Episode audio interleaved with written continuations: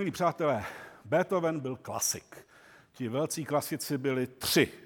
Haydn, který vybudoval klasicismus, Mozart, který z něho vytěžil všechno, co se dá, a Beethoven, který ho zbořil. U něho prostě všechna pravidla přestala platit, protože on už v hudbě viděl nějaký další vývoj směrem k romantismu. No a romantici rádi v hudbě zobrazovali nějaká témata, nějaký mimohudební děj.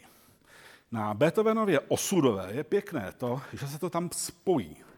Že Beethoven je výjimečně ukázněný a drží se takzvané sonátové formy, ale zároveň ta forma má svoji symboliku, totiž souboj mezi člověkem a osudem.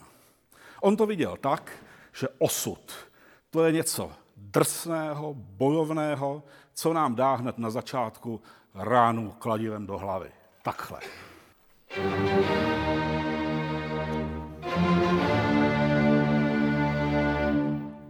Úžasné téma, které všichni známe. Ale pozor, na sonátovou formu by to ještě nestačilo.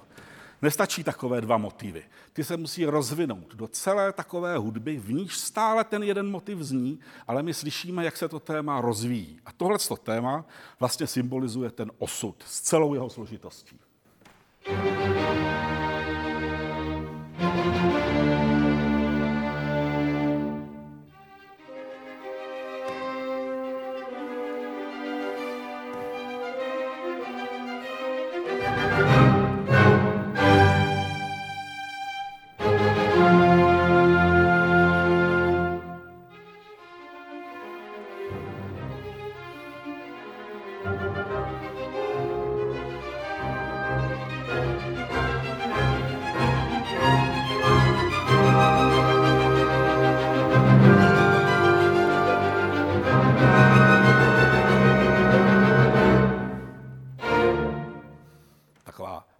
přísná hudba je to a všechna vychází z toho jednoho motívku. Sonátová forma velí, že teď musí přijít kontrast, něco jiného, téma člověka. A poslouchejte, jak ten člověk je takový ještě trošku ustrašený.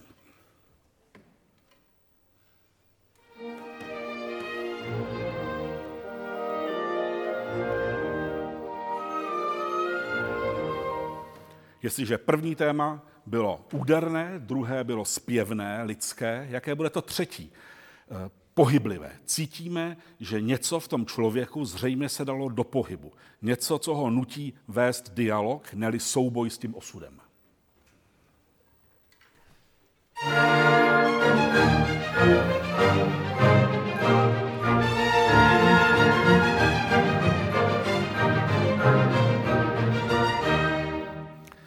To, co jsme slyšeli, byla tři témata a té první části sonátové formy se říká expozice a ta se hraje dvakrát, takže vy si budete moci krásně zapamatovat ta tři témata. Pak ale dojde k bitvě. Ta témata se o sebe pustí, člověk bojuje s osudem, všechno je ve velké divočině, mění se tóniny. Téhle části se říká provedení, nebo anglicky development, to je možná lepší.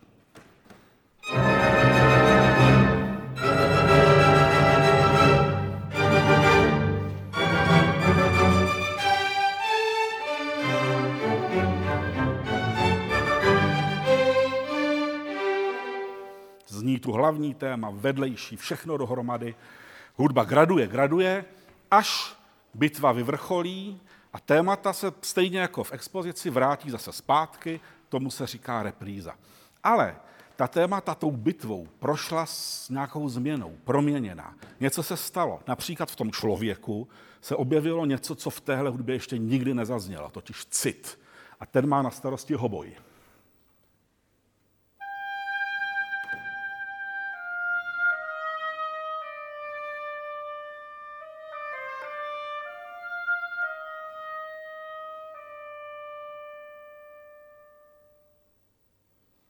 Když se nám všechna tři témata vrátí z bitvy, kdo teda vyhrál? Osud nebo člověk?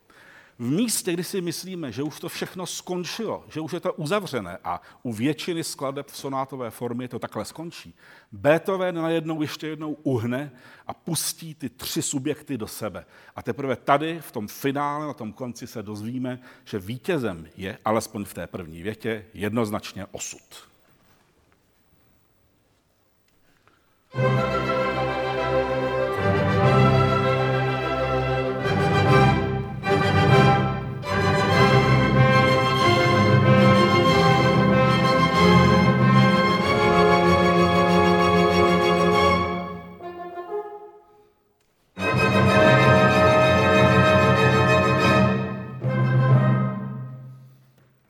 Sonátová forma není úplně jednoduchá na poslouchání a je to strašně užitečné, protože v rámci sonátové formy eh, jsou napsány všechny první věty klasických i romantických symfonií, kvartety, eh, eh, sonáty, klavírní, sonáty pro housle a klavír, vlastně všechno. Takže kdo se vyzná v sonátové formě, vyzná se v klasicismu.